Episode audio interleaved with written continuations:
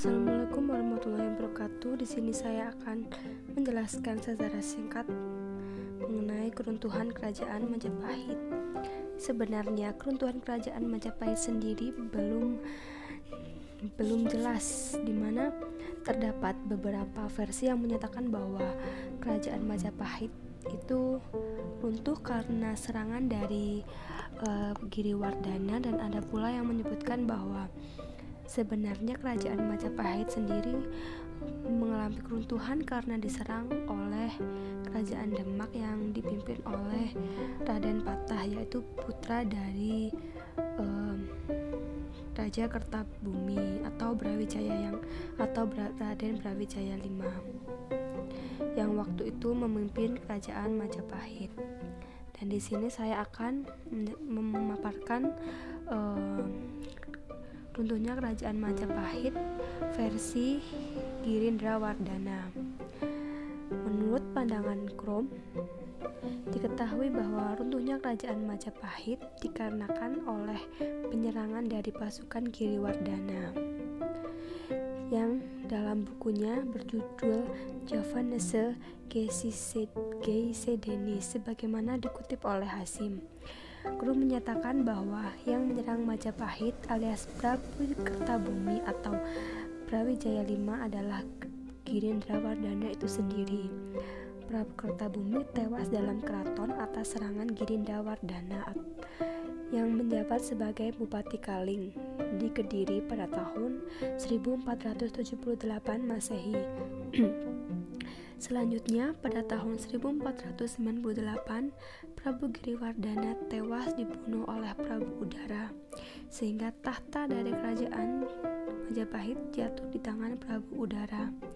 Melihat situasi seperti ini, para wali pendukung dari Raden Patah mengambil berusaha mengambil kembali mahkota tersebut dari Prabu Udara karena mahkota tersebut adalah milik ayahanda Raden Patah yaitu Prabu Kertabumi alias Brawijaya V. Di pihak lain, Prabu Udara bersekongkol dengan Portugis pada tahun 1512, padahal pada tahun 1511 Raden Pati Unus telah menyerang Portugis di Malaka. Akibatnya, Pati Unus wafat di medan pertempuran melawan Portugis di Malaka. Pada tahun 1517, Demak menyerang Prabu Udara dan jatuhlah Majapahit di tangan Demak. Dari pendapat Krom di atas dapat disimpulkan bahwa Majapahit runtuh karena diserang oleh pasukan Giriwardana dari Kaling Kediri.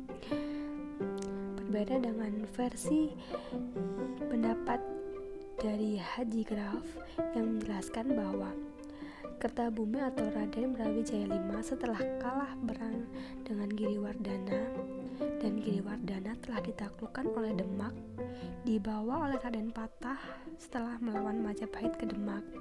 Jadi uh, Raden Kertabumi ini dibawa oleh sang anak ke Demak setelah sang anak berhasil menaklukkan Majapahit setelah uh, anak sang anak ini berhasil melakukan kerajaan Majapahit.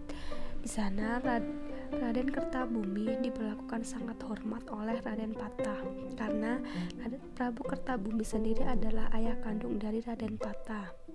Majapahit tidak di bumi hanguskan. Karena itu didudukilah oleh orang-orang non-Islam. Pendapat Haji Graf agaknya lebih masuk logika dalam perspektif kekuasaan Jawa karena runtuhnya kerajaan Majapahit secara otomatis menimbulkan konvensi bahwa kekuasaan dari Majapahit yang bercorak Hindu-Buddha menuju Demak yang bercorak Islam. Seketika runtuhnya Majapahit, seketika itu pula kekuasaan di tanah Jawa menjadi superordinat atau penguasa. Namun pandangan Haji Graf lebih masuk akal dalam perspektif uh, maksud saya pandangan Haji Graf ini dalam perspektif Jawa tidak masuk akal. Karena jika Prabu Brawijaya diboyong ke Demak oleh Raden Patah, apa bukti fisiknya? Karena dalam sumber-sumber sejarah seperti Babat Tanah Jawi, Babat Jakatingkir, dan Babat Demak, pasca runtuhnya kerajaan Majapahit, sang Prabu Kertabumi mencepi bersama punakawannya ke puncak Gunung Lawu hingga moksa atau meninggal di sana. Walaupun ada pemaparan lain dari Kasri dan Semedi tahun 2008 yang kemudian berusaha menghubungkan antara penyepian penyepian dari Rabu Brawijaya 5 ke Gunung Lawu dengan diboyongnya diboyongnya oleh Raden Patah ke kerajaan Demak.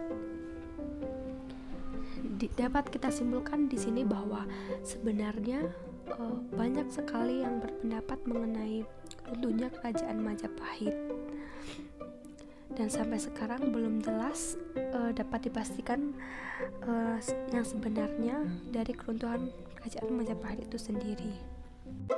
thank you